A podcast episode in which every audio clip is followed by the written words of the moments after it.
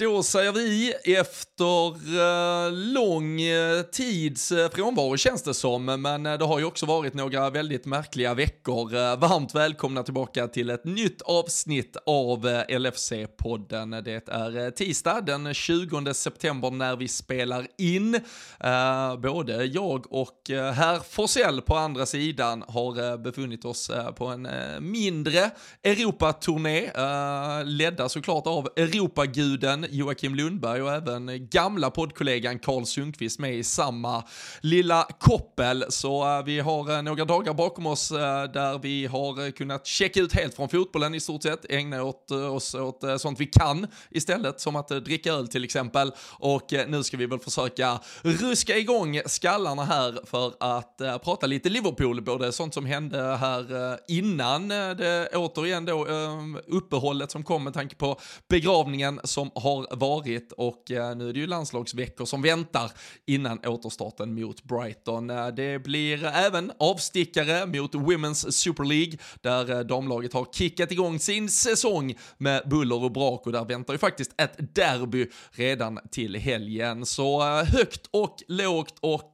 massa däremellan utlovas när LFC-podden äntligen är tillbaka och vi gör såklart avsnittet som alltid tillsammans med LFC.se och eh, speciellt i sådana här lite landslagstider, det är spelare in, spelare ut, man håller tummen för att ingen ska skadas, men man hänger knappt med när och var och hur fan matcherna spelas. Då är det LFC.se som gäller, för där får man alltid summerat hur det har gått för våra killar, framförallt då på deras olika landslagsuppdrag och Eh, på damfronten så kommer man säkert kunna läsa lite inför derbyt som väntar till helgen också. Så LFC.se, det vet ni att vi varmt alltid rekommenderar, men nu rekommenderar vi det vi alltid gör, nämligen att ni sätter er till rätta och så sparkar vi igång ett nytt avsnitt av LFC-podden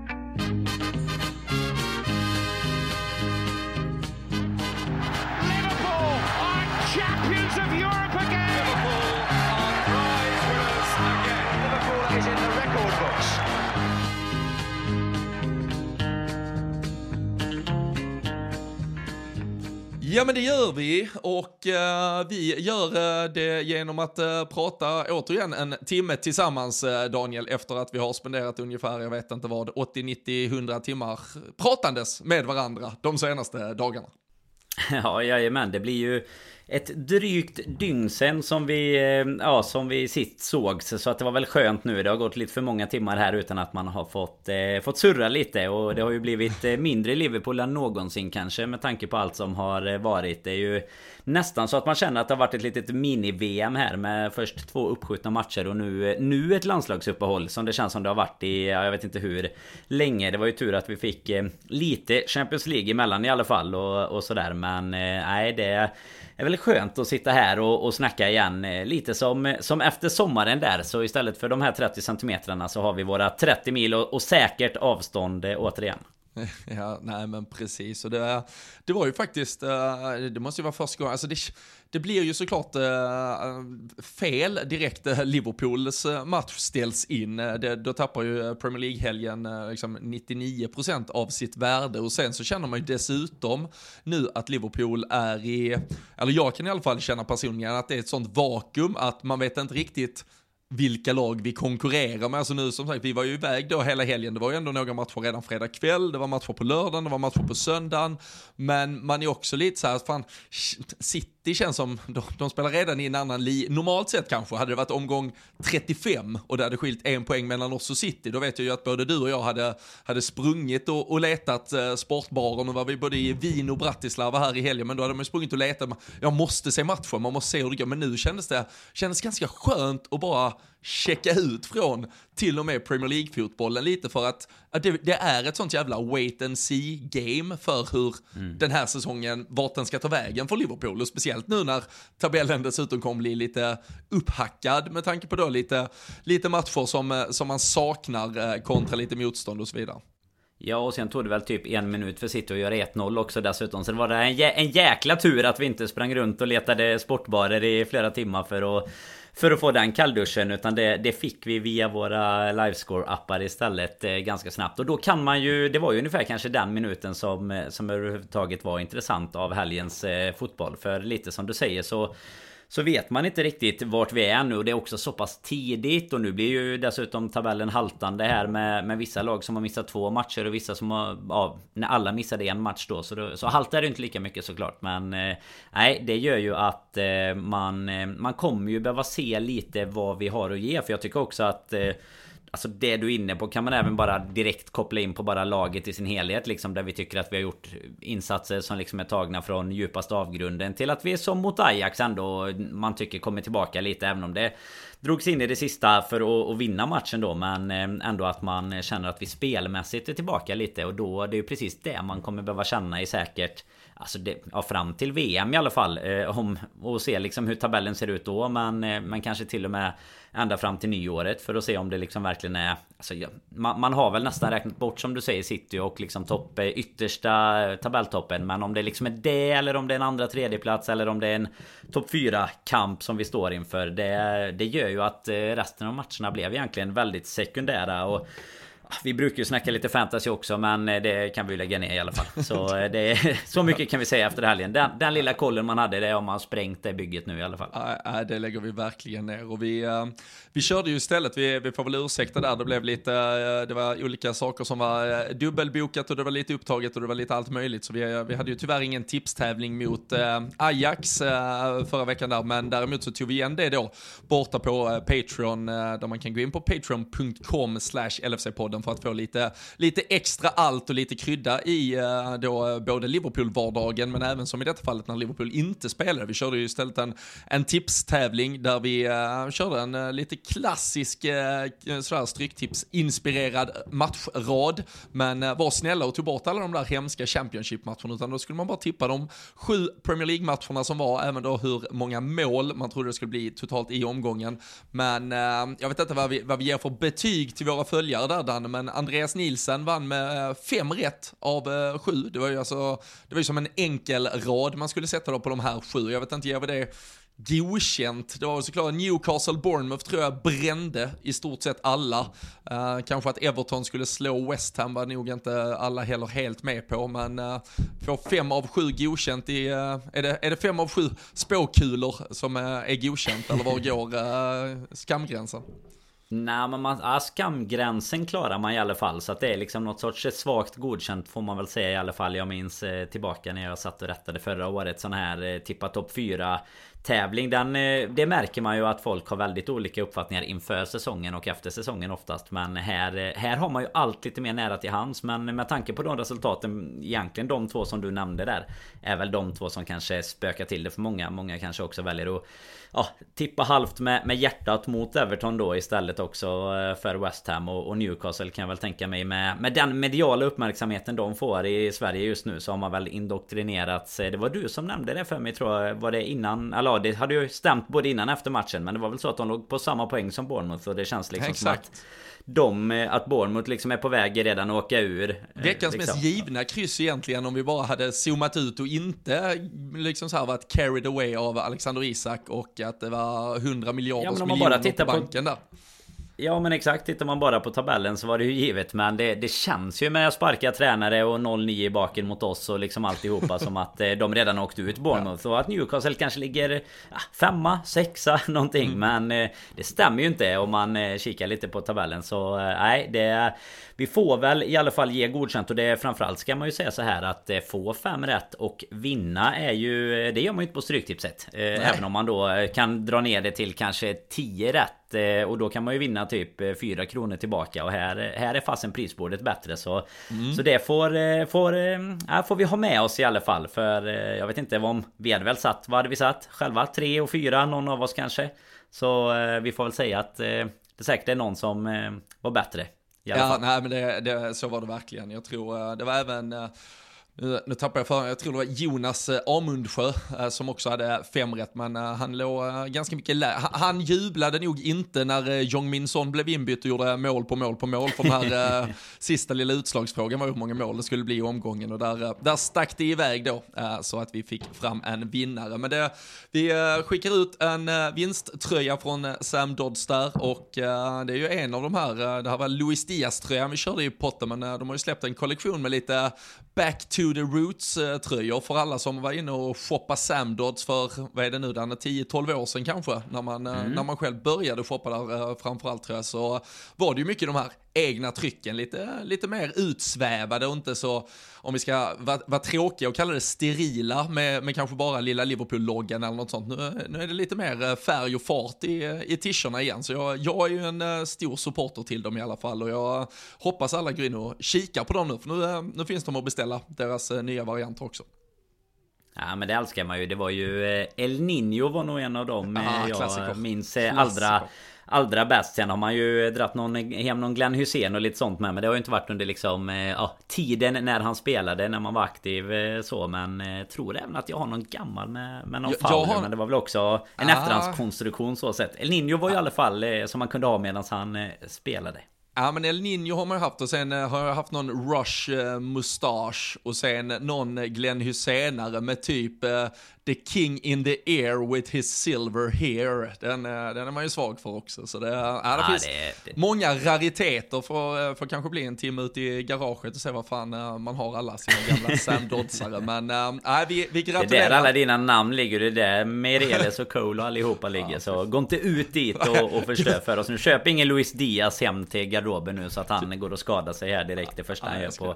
Ja, inte nu på lördag, nästa lördag då såklart. jag, jag, inte, jag ska inte ner i det, det mörker som är min gamla tröjsamling. Den, eh, det finns, uh, usch, usch, det, eh, det ska vi inte dra upp nu. Men eh, nej, som sagt, eh, stort grattis och uh, nu är vi på banan till, till nästa vecka sen när det är inför Brighton och då uh, rullar vi på med den klassiska tipstävlingen. För nu, nu får uh, kungligheter och annat löst folk där borta på öarna sluta dö och sätta landet i landssorg eller begravas och allt annat som gör att vi inte kan spela fotboll utan det vill vi vidare med nu istället. Ehm, jag tänker bara där Danne med ja, den tombola det verkar vara då kring eh, tabell och topppositionerna i ligan. Eh, City att de sticker iväg lite, men, eh, men Arsenal, hur mycket, hur mycket är de på riktigt efter att de, eh, ja de slog ju verkligen tillbaka då efter den där premiärförlusten förra året mot Brentford och det var väl då Ivan Tony bland annat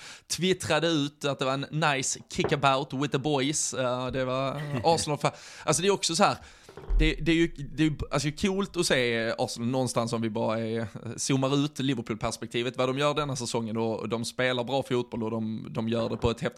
Men det är också lite mindervärdeskomplex att vilja typ håna tillbaka mot Brentford känner jag, när man, när man gör, gör på det sättet. Men det, det om det så att säga. Men eh, känner du att eh, Arsenal är på, på riktigt eller är det Tottenham som nu kanske har en uh, nyvaken uh, son på väg in i, i form igen eller vilka vilka lag, hur skulle du, eh, en snabb formstatus den 20 september på lagen bakom Manchester City om vi då räknar in oss själva tillsammans med United, Arsenal, Chelsea och Tottenham. Jo, det ligger ju faktiskt eh, Arsenal just nu i alla fall eh, före eh, City som du är inne på. Men jag tycker att de har ju haft, det vet man ju främst ur liksom perspektivet när man kollar scheman och sånt. Att de har ju haft kanske det absolut bästa fram tills nu då. De har ju just nämnda Tottenham och sen har de ju oss eh, hemma är det va, alltså borta för oss då. Och sen så är det väl eh, ja, ytterligare någon match där som är ganska tuff nu kommande. Och jag tror att de även möter Chelsea ganska snart. Så att det kommer man väl få se. Alltså jag tycker ju ändå att de... Alltså det, det är som sagt, nu har de ju mött de lagen som de har mött. Men tycker ändå att de ser bättre ut eh, nu än vad, vad de har gjort tidigare. Jesus har kanske gett dem eh, någonting litet som de behövde där uppe. Och sen har de ju fått utväxling på ja, men en Saka, en Martinelli, många av de här yngre då. Eh, nu fick de, gjorde ju Vera mål direkt i Ödegårds frånvaro som annars har varit bra också. Men eh, jag vet inte, Arsenal är väl ändå Liksom man måste verkligen se dem mot storlagen känns det som. För så här har det ju varit förr också. De, de åren de alltid kom fyra så var de ju super mot alla men lite mindre lag liksom. Men sen hade de jätteproblem när de mötte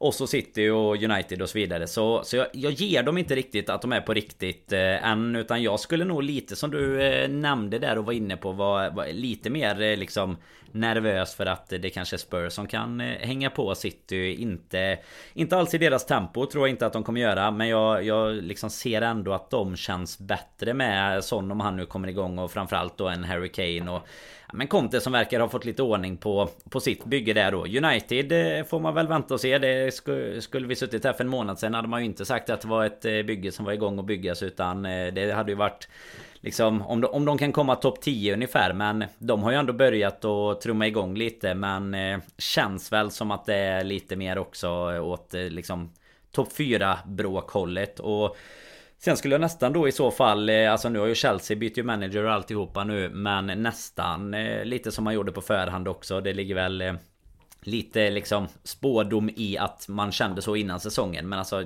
snarare hålla dem kanske som ett eh, topp 3, topp 4 lag tillsammans med att vi ska dit upp och, och kriga eh, än vad jag hade hållit ett United till exempel. Men eh, de eh, gillar ju att släppa in mål nu för tiden Chelsea så det blir lite tufft och sen är det ju som sagt, det nämnde vi ju redan om vi ska ta oss också så är det ju verkligen eh, höga toppar, djupa dalar och, och gräva ifrån. Så där, eh, vi, vi ska ju i alla fall upp och bråka med, med allihopa som är under City utan tvekan. Men mm. nej, eh, just nu då City och så vi mot Tottenham. Detta. Du får summera ja, men, detta här. City, City vinner. City vinner just mm. nu. 20 september har City vunnit ligan trots att de Exakt. är tvåa. Sen är vi och eh, nu ska vi se, det är vi och Spurs och så, jag skulle säga så här då. Vi, Spurs, Arsenal och Chelsea slåss om de eh, liksom ja, platserna under. Och så hamnar United utanför eh, igen och får spela någon torsdagskvällsfotboll vidare. Men ja. eh, då, är det, då är det vi och eh, Spurs som är ja. tvåa, trea ja. i alla fall. Ja, men det, det låter okej. Okay, så Liverpool och Spurs är lagen uh, bakom City just nu, den 20 september. Du, du skulle ju sätta så många uh, sådana här uh, spådomar på mig tidigare med Cavallios utväxling och allting. Så nu är det viktigt här att, att folket hjälper att någon, mig och stöttar upp och antecknar. Men per den 20 september så är det Liverpool och Spurs som kommer slåss om plats 2 och 3.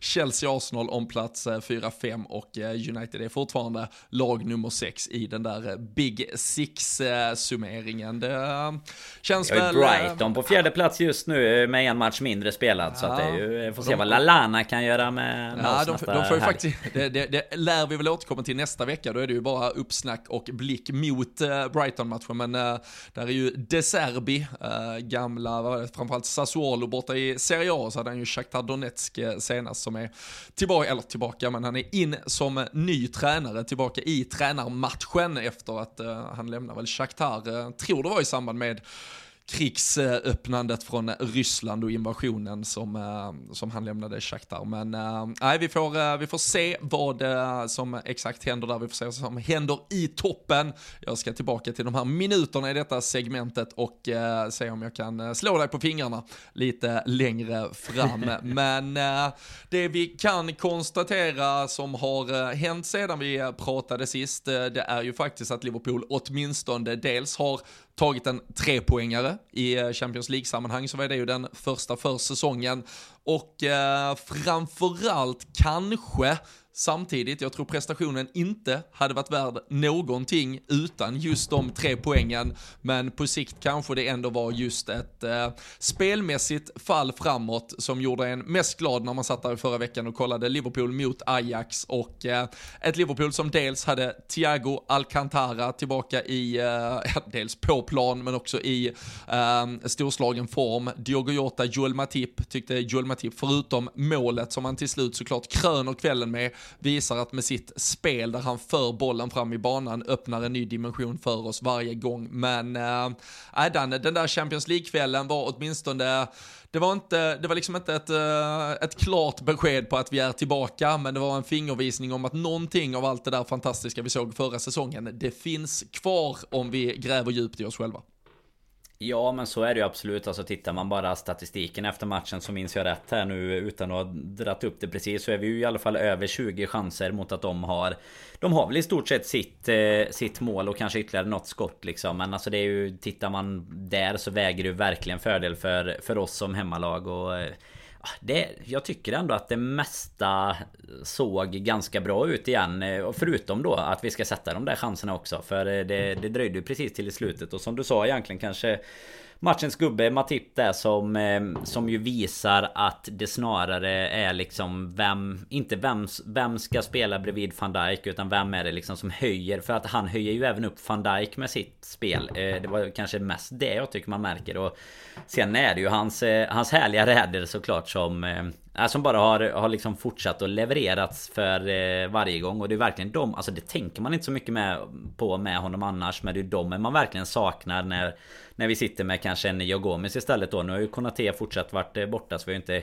Kunnat ta den ersättaren heller så sett. Men eh, Nej annars var det väl mest eh, att man kanske var Oh, lite förvånad ändå att inte Darwin startar var, var jag nog ändå. Eh, sen att eh, Jota var tillbaka och kunde starta var ju otroligt trevligt och lite det som vi varit inne på med den fruktansvärda starten i början på säsongen och framförallt med vilka spelare vi behövde rotera på så börjar ju det i alla fall synas lite ljusglimtar där och sen då en, en Thiago som, som vi faktiskt diskuterade om det var just eh, det som skulle vara lösningen. Men vi, eh, vi, vi sa ju att han skulle bli en injektion men han knäppte nog oss båda på fingrarna lite där ändå tycker jag. Och, och visar att med honom, eh, även om han nu inte kan vara en garant så, så blir vi ett helt annat lag.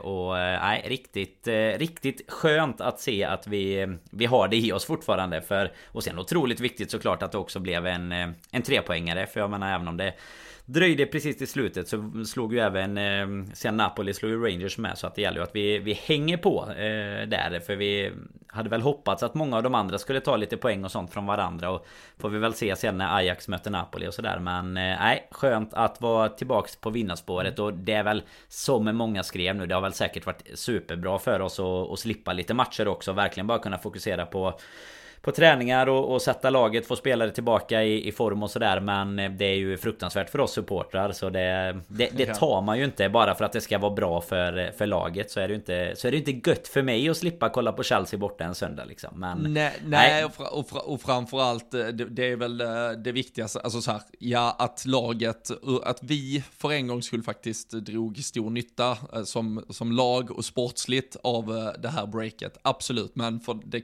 kommer ju dessutom komma en period då de här matcherna ska puttas tillbaka in i spelschemat där det mm. kanske är samma jobbiga situationer. Det kanske är någon annan, det kanske är Mohamed Salah som är skadad eller plötsligt någon uh, Thiago som är avstängd eller något annat som gör att uh, han plötsligt missar då Chelsea borta istället för att han skulle ha missat uh, typ Bournemouth hemma. Uh, om man bara, alltså det, det kommer alltid vara ett spelschema som spelar och framförallt så det har vi pratat tillräckligt om, men just det som det under de här veckorna redan har ställt till för alla supportrar som hade resor planerade och så vidare gör ju att det såklart aldrig är värt det. Men sen så här, om det ändå, alltså om det shit ändå hits the fan så så, låt det spruta åt det här hållet där vi i alla fall kan dra lite, lite fördel av att få, få vila. Så uh, nej, det, det var säkert uh, jävligt välbehövligt och bra. Nu, nu får vi väl tillbaka någon spelare till här om någon vecka. Jordan Henderson kan vi ju konstatera har uh, blivit inkallad till den engelska landslagstruppen. Det, det, det, är inte ofta man gör comeback till liksom, som reserv i landslaget istället för att man först har varit tillbaka med sitt klubblag. Det brukar ju vara lite mer åt andra hållet. Jag såg till exempel Hugo Lloris, på tal om att det är Arsenal-Tottenham snart, han drog sig ur den franska landslagstruppen för att istället rehabilitera lite och vara, alltså utan att ens ha riktigt varit skadad, men för att vara då åter 100% till eh, klubblagsfotbollen istället. Men Jordan Henderson är såklart Gareth Southgates lilla pojk, så han gör vad eh, pappa tränare säger där och, och dyker upp och inställer sig och han kanske även med alla kaptens äh, egenskaper och allt han har ändå är lite, lite rädd att en VM-plats äh, hänger på någon liten tråd. Nu är, nu är väl kanske inte konkurrensen mm. stenhård, äh, men både Calvin Phillips, Declan Rice och, och Jude Bellingham är väl, ligger väl där och, och konkurrerar och, och, eventuellt någon till lite beroende på hur han... Det är väl 12 högerbackar som ska med så det kanske inte är plats för någon jävlig inom mittfältare alls liksom. Så man, man vet ju att Henderson får göra vad som krävs men nej, för Liverpools del så har det ju säkert, det, det kommer ha varit eh, och visat sig ett, ett nyttigt uppehåll på den fronten. Och eh, nu ser vi ju även att eh, Fabio Carvalho är tillbaka, han spelar med, med U21 här för eh, någon dag sedan. Vi hade ju även Artur som då eh, ska sätta in lite sådär, gå in i eh, eh, steg två i någon form av akklimatiseringsprocess för att eh, vara redo att spela kloppfotboll. Har ju haft något kort inhopp och funnits med på några bänkar, men, eh, men än så länge inte riktigt getts någon, eh, någon ordentlig kickabout. Så, så han fick ju han fick lite spring i benen här senast, även Nat Phillips kunde, kunde komma ut och, och värmas. Så, så det är väl ändå många fördelar ur, ja, med, med sådana aspekter. Men sen som sagt, jag tror, som du, alltså just att vi fick en bra prestation mot Ajax, hade den inte lett till tre poäng ändå, så tror jag också det hade varit jävligt frustrerande för laget att mitt i det här stora vakuumet känna att ja, vi mm. var nog på rätt håll, men det blev inget heller, så det är fortfarande vi vinner fortfarande inga fotbollsmatcher, då hade man nog gått och, och grämt sig på ett annat sätt under de här veckorna. Nu fick man nog med både prestationen och till slut och även målet så fick man den där arbetsron och, eh, och det jag tycker det man måste... Det syntes ju också hur mycket det betydde för ja, dem liksom. Ja, ja, de blev helt, alltså det gör det väl alltid om man avgör i sista minuten, men jag menar Matip står där och headbangar och hela laget kommer ju att hoppa på honom och vill fira med publiken liksom sådär. Så det man märker ändå att det är otroligt förlösande även för dem såklart. Eh, lika förlösande som det var, var för en själv kanske. Så eh, nej, det, du är väl inne på det att det, det hade varit otroligt jobbigt om man hade sett att det bara blev en, en 1-1 med den prestationen ändå. Ja, och på tal om, uh, på tal om just firandet så, så jag, i, i det där klippet som du säger när, när Matip står där och, och uh, liksom bara skriker ur all sin glädje så är det ju, van Dijk kommer ju typ uh, upp och klättrar nästan bakom honom så får han ögonkontakt med en supporter och så står de och typ bara stirrar varandra i ögonen. Jag såg det var någon som, hade lagt, någon som hade lagt upp det klippet så här, jag hade behövt sjukanmäla mig flera veckor från jobb om det var jag som fick ögonkontakt på grund av blodfylld penis. Det hade inte gått att jobba liksom. Tyckte, tyckte jag var lite kul, det räcker för ja, det var bra. Jag behöver inte mer på sociala medier för att uh, få, uh, få ett skratt uh, lite då och då. Men, nej, uh, och på tal om Mattias, alltså just det här sättet han kliver upp med boll, alltså återigen, jag, nu ska jag inte basha någon här i onödan, men ser vi ett mittfält med Joe Gomez och van Dijk och ett, eller mittbackspar, de två, och så har vi ett mittfält med Jordan Henderson, det vi har sett väldigt ofta nu på senare tid är ju att faktiskt att Jordan Henderson har gått ner och hämtat boll i backlinjen, för man vill att han lite ska driva på spelet därifrån. Det gör ju att egentligen en mittfältare är nere och hämtar bollen vid backlinjen, vilket gör att han bara har två andra mittfältare tillgängliga att spela bollen till. Om det istället är Julma Matip som har bollen vid sina fötter och faktiskt kan antingen spela sig med, med, två, med ett väggspel, till exempel förbi den första pressen eller den första anfallaren åtminstone, eller faktiskt vågar då med de här kroppsfinterna och älgakliven dra den första gubben. Då är vi ju mm. förbi en spelare och så har han tre mittfältare minst då att spela bollen till, plus från trion, plus våra ytterbackar som alltid kliver på. Det ger ju oss, alltså det är ju, det är ju bara, bara att skifta en spelare där så ger det oss två nya alternativ istället. Om det är han som gör det eller någon ur ett mer, ja men kanske defensivt tänkt och en mittfältare som är nere och gör den samma förflyttning av bollen. Så det, äh, det märktes ju. grund Ja men lite grundläggande om man säger så så blir det också så att det är ju ingen riktigt som vet vem Vem ska droppa sin position för att och liksom stöta på Matip. För jag menar går det en mittfältare från Från motståndaren upp och stöter på honom så har du ju samma sak där. Alltså har du då ytterligare en gubbe med dig så har du ju någon som kommer att hamna fri istället eh, Liksom för att kunna väggspela och sånt som till och med han har varit uppe och gjort ett, ett par gånger den här säsongen och, och förra. Så att eh, nej det det gör ju, det ger ju en extra dimension i det som vi behöver göra när vi ska föra en match. Eh, så, så enkelt är det ju. För vi, det blir ju det. Vi måste ju göra någonting med bollen om vi förväntas föra, liksom föra 70% av matchen eh, med boll egentligen. Och då blir det ju lite, lite som du sa, vi ska väl inte hänga ut men så som det har varit så blir det ju alltså ett, ett kladdande på bollen istället från typ en, en Henderson och kanske runt på ett mittfält med som består av liksom honom och James Milner. Så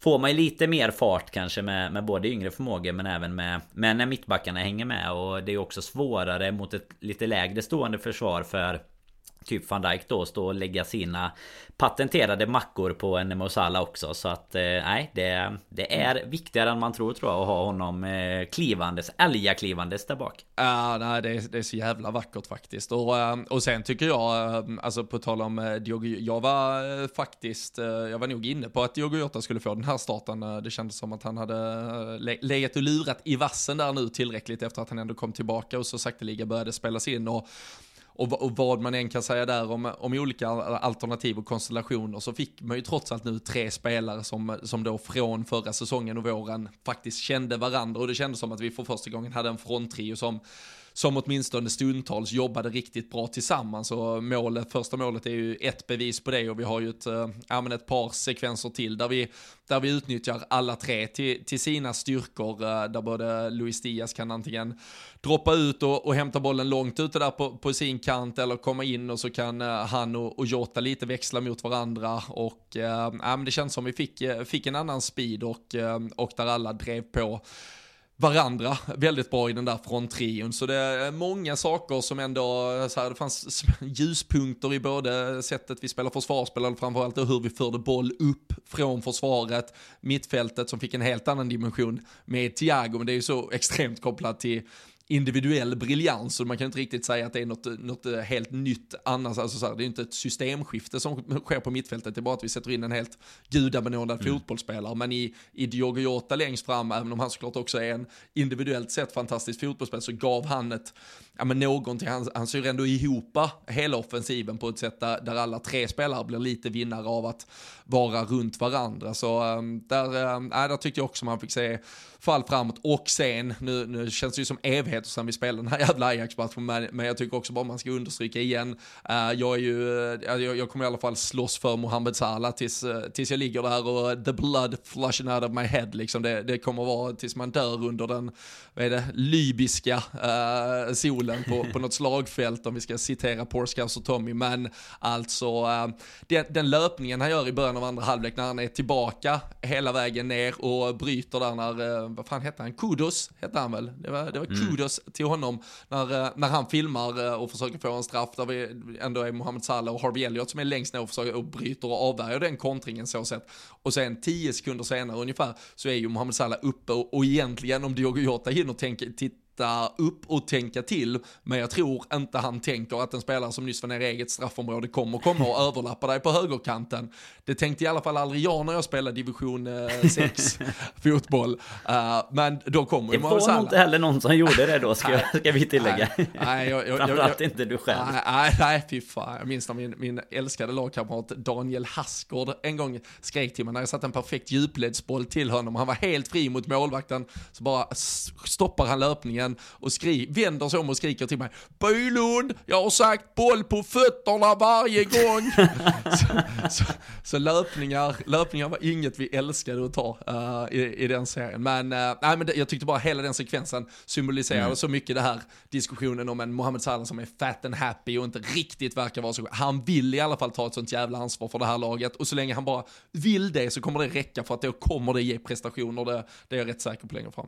Men men han du också bli fem eh, millisekunder orolig att det var en tackling i alla fall? Jag hann i alla fall tro att det var straff först eh, innan. Men sen såg man, sen syntes det supertydligt att han inte ens är där och Men alltså man tänkte bara såhär, vad fan har du tagit en 100 meters löpning tillbaka nu bara, bara för att stöta någon i straffområdet? Då, då, då, man hann bli lite förbannad. Då, det hade i och för sig påmint mer om division 6 när du springer hela vägen tillbaka för att bara sparka ner någon och sen skiter Nej, man, man, kan inte stanna, man kan typ inte stanna, man orkar liksom inte stanna så man bara mangla ner någon. Men det, oh, det orkade Salah och sträcka upp armarna lite. Ja, det, det, är ju flashback till de här Mighty Ducks-filmerna. Vad fan hette han? Mendoza, som inte kunde stanna, som bara, som bara körde. Han, han, han är världens snabbaste skridskoåkare, men det går ju inte att stanna, så han flyger in i sargen hela tiden. Bara bam, bam, men så lär han sig stanna en gång. Otroliga filmer faktiskt. Ja, faktiskt. Otroliga filmer, det ska de ha. De som inte har sett dem, det är bara att hitta dem på diverse tjänst.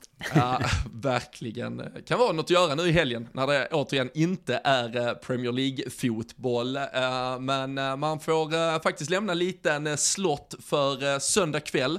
För även om det då inte är Premier League-fotboll och herrfotboll så spelar ju faktiskt Liverpools damlag istället sin andra match för säsongen. Deras första omgång blev ju eh, uppskjuten också på grund av eh, drottningens eh, bortgång, men det spelades full omgång i helgen. Det som kommer nu är ju Merseyside Derby på Anfield mot Everton söndag kväll, men redan i helgen premiärspelade man mot Chelsea och lite där på tal om hur vi följde Liverpool eller Citys framfart då i Premier League i helgen och man, vi satt väl, skulle precis få in lite käk på, på lördag förmiddagen där där, eh, man var kanske två och en halv bärs in ungefär och så, och så plingar det 1-0 City efter en minut. Likadant pling, söndag eftermiddag får man 1-0 straff Chelsea. Det hade väl gått tre minuter visserligen, men där känner man att Liverpools damlag, ska de också få en sån här jävla start på säsongen. Men eh, de visade styrka och lidelse och eh, lyckades ta mig fram, vända och vinna. Ja men det var ju dessutom på straff så att det var ju en eh, bonus på straff sen till slut eh, också. Men eh, Det var väl skönt i alla fall. Och det var ju som du säger mot Chelsea med så det var ju Det gav ju lite kompensation för att det var en annan Chelsea-Liverpool som var Som var uppskjuten. Och mm. det är väl Alltså det blir ju Det blir spännande att följa nu med. Nu har ju de precis flyttat upp så att det är ju Det kommer ju från en liten annan situation än vad Än vad herrlaget har gjort såklart. Men otroligt att få Få se dem Det har utvecklats så jäkla fort också. Det vet ju Vet ju du om någon som Som även poddar i den, eh, på den sidan liksom. Men alltså det är ju det, Alltså kvalitetsmässigt och eh, vad ska man kalla underhållningsmässigt så eh, blir det perfekt till, eh, till helgen i alla fall i, i brist på annat. För eh, att det, att det tar landskamper det behöver vi inte ens börja diskutera Robin. Där hade vi till och med kunnat kika på någon Flickor 8 om det var så liksom eh, Än att sätta sig och kolla på något Nations League eller vad de nu har hittat på här på Nej, nej, vi ska inte ens. Vi går, vi går inte ens där alltså. vi, går, vi går inte dit, vi går inte dit.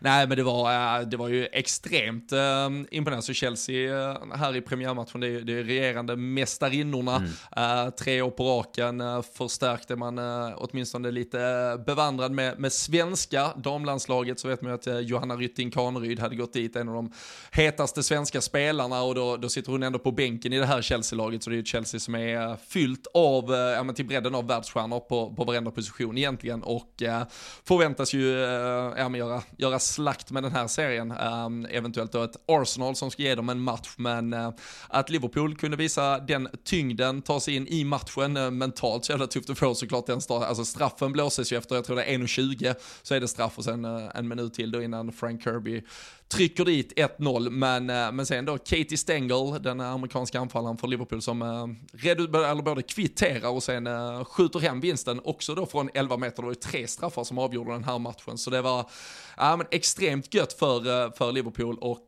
med, med Everton då till helgen som väntar så, så kan det bli riktigt jävla häftig inramning på Anfield. Så det var drygt 3000 åtminstone här på Prenton Park, det är där de normalt sett spelar sina hemmamatcher. Tunneln över eller under Mercy då äh, mot Birkenhead så äh, kan man ju också faktiskt, äh, tycker jag är en klassiker både när man är, eller man är ofta över kanske för att se herrarna, men att man tar en titt i kalendern både om typ U23-laget, vi har varit ute på någon U18-match får jag för mig, mm. eller om man då tittar om damlaget eller till och med då de här lower League, till exempel Tranmere då som spelar på Prenton Park eh, normalt sett, att man, att man tar en liten titt i kalendrarna vad det är för matcher. Typ om man går på Liverpool i Premier League på lördagen och så kan man gå på någon annan fotboll på söndagen. Det, det är fan rätt kul att komma runt och se alla olika typer av fotboll och jag tror också att Liverpools damlag och hela då Women's Super League under den här säsongen. Eh, det kommer vara ett, eh, jag tror vi kommer få se en, eh,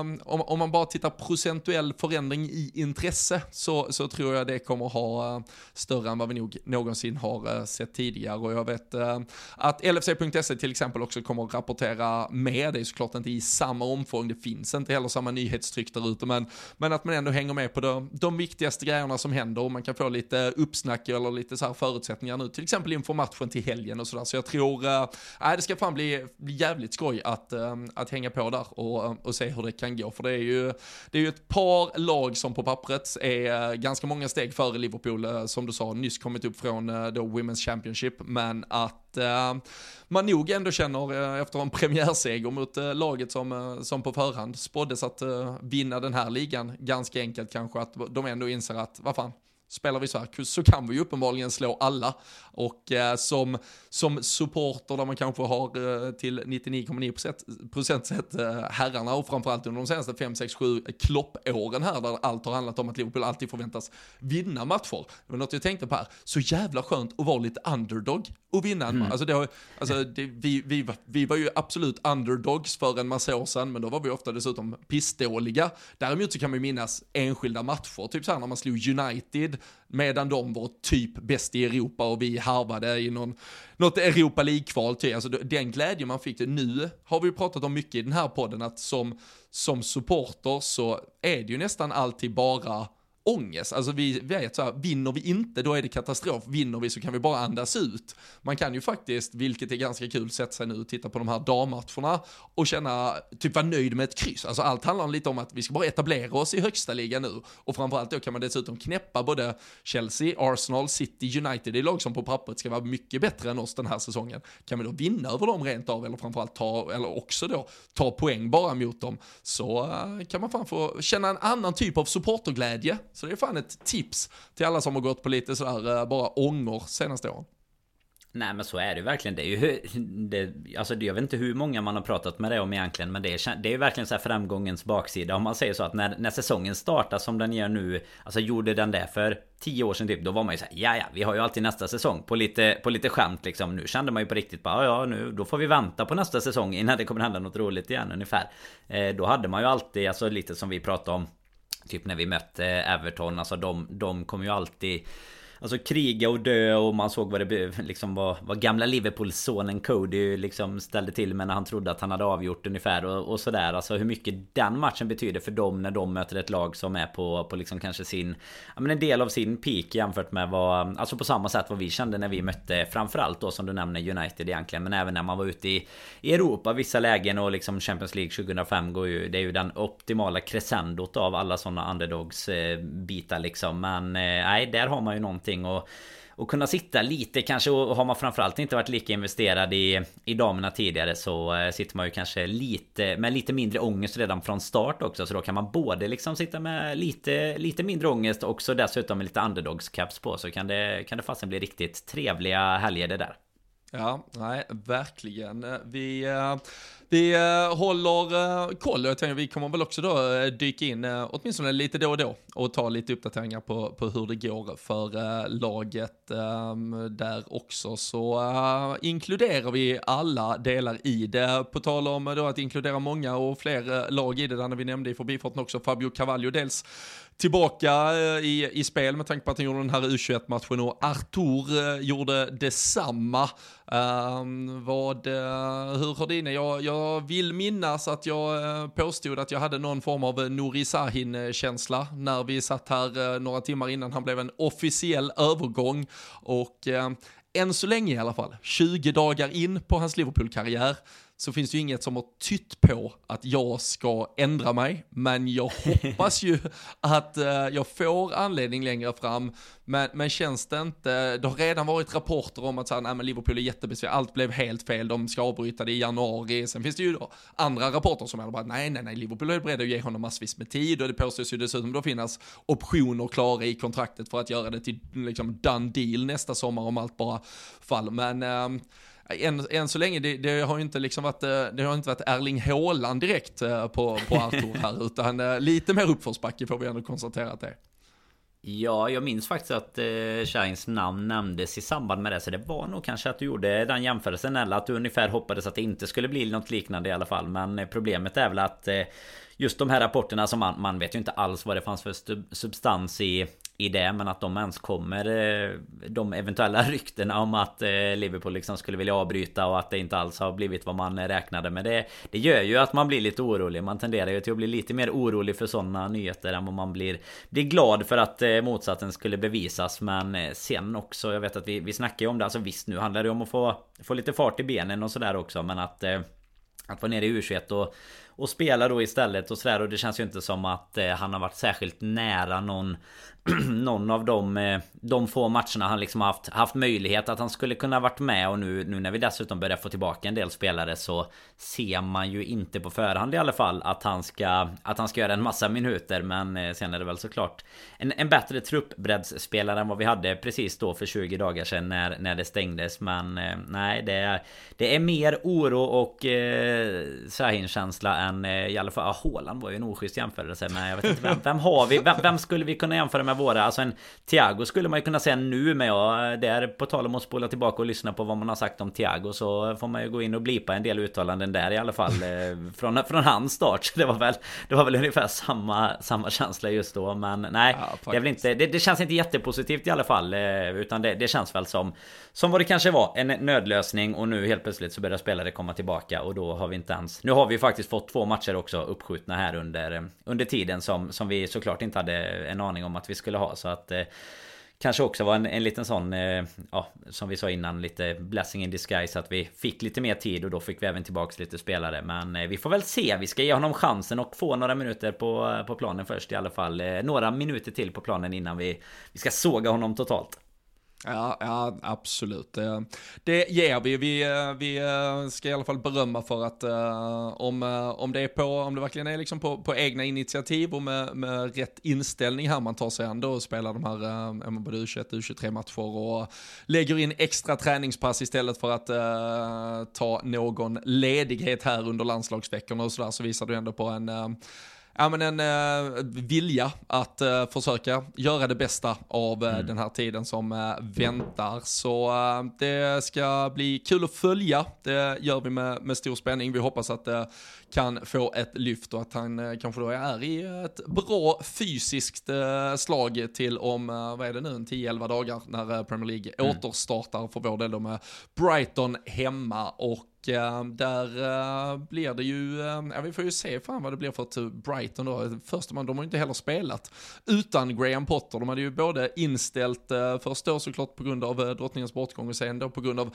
en tågstrejk som aldrig blev en tågstrejk. det är kanske den mest udda uppskjutna matchen i Premier Leagues historia, men den sköts upp för att de kanske skulle strejka och sen strejkade de aldrig. Så där för hade det ju kunnat spela. Men ja. Typ en så. vecka innan också. Alltså typ en vecka det, innan var det klart det, att det inte skulle bli så då kan man ju bara säga igen bara, ja men då kör Alltså det, det är alltså inte så att det är jättelångt med, med mellan Brighton nej, och Palace. Nej, liksom. och med en veckas, alltså de har inga problem att ställa in matcher med typ två, tre dagars varsel. Men att däremot återinsätta den med, som du säger, sex, sju dagars varsel, det vore helt uh, märkligt att göra. Men, jag eh, vet jag vet faktiskt inte. Lärde ju mig det en liten... Eh, finns det någon sån eh, When Eagles Dare? Liten Pallas. Eh, du vet lite All or Nothing fast det, det är om Pallas typ senaste tio år. Och där lärde man sig faktiskt att Brighton är tydligen en, en rejäl konkurrent ju. Så att det är framförallt mellan fansen. Och om nu vi sköts upp på grund av att det skulle vara någonting med lite mer hög risk än någon annan match och även United Leeds då. Så, så kanske man passade på att skicka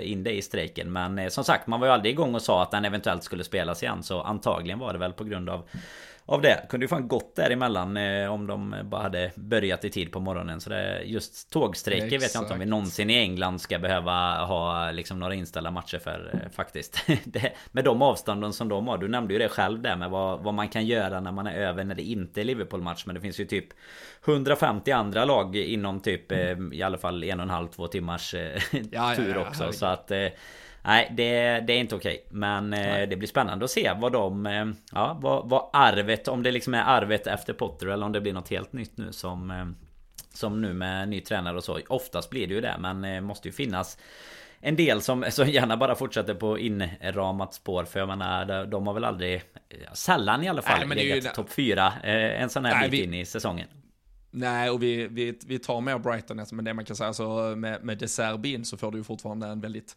fotbollsspelande mm. tränare äh, i förhållande till vilken, ja, kanske typ av tränare som många andra lag som med utgångspunkt kanske förväntas komma typ 10-12 i, eh, i en eh, då Premier League-tabell över en säsong normalt sett har. Så det, det är fortfarande nog ett, ett Brighton från ägare eh, liksom högst upp och neråt som kan, eh, som har en vision om att det här Brighton-laget ska fortsätta spela en vägvinnande fotboll och att, eh, att det då i slutändan ska ge, ge resultat eh, från, från att både då fans uppskattar det, unga lovande talanger vill komma och bli en del av projektet och att det då och ja men också eh, i slutändan eh, ger någonting. Så eh, vi får se vad som väntar eh, nästa helg som sagt när Premier League är tillbaka med eh, Liverpool mot Brighton bland annat. Vi eh, hade ju lite tankar, kan väl bara ta det direkt även i detta sammanhanget, på att ha en liten träff i Göteborg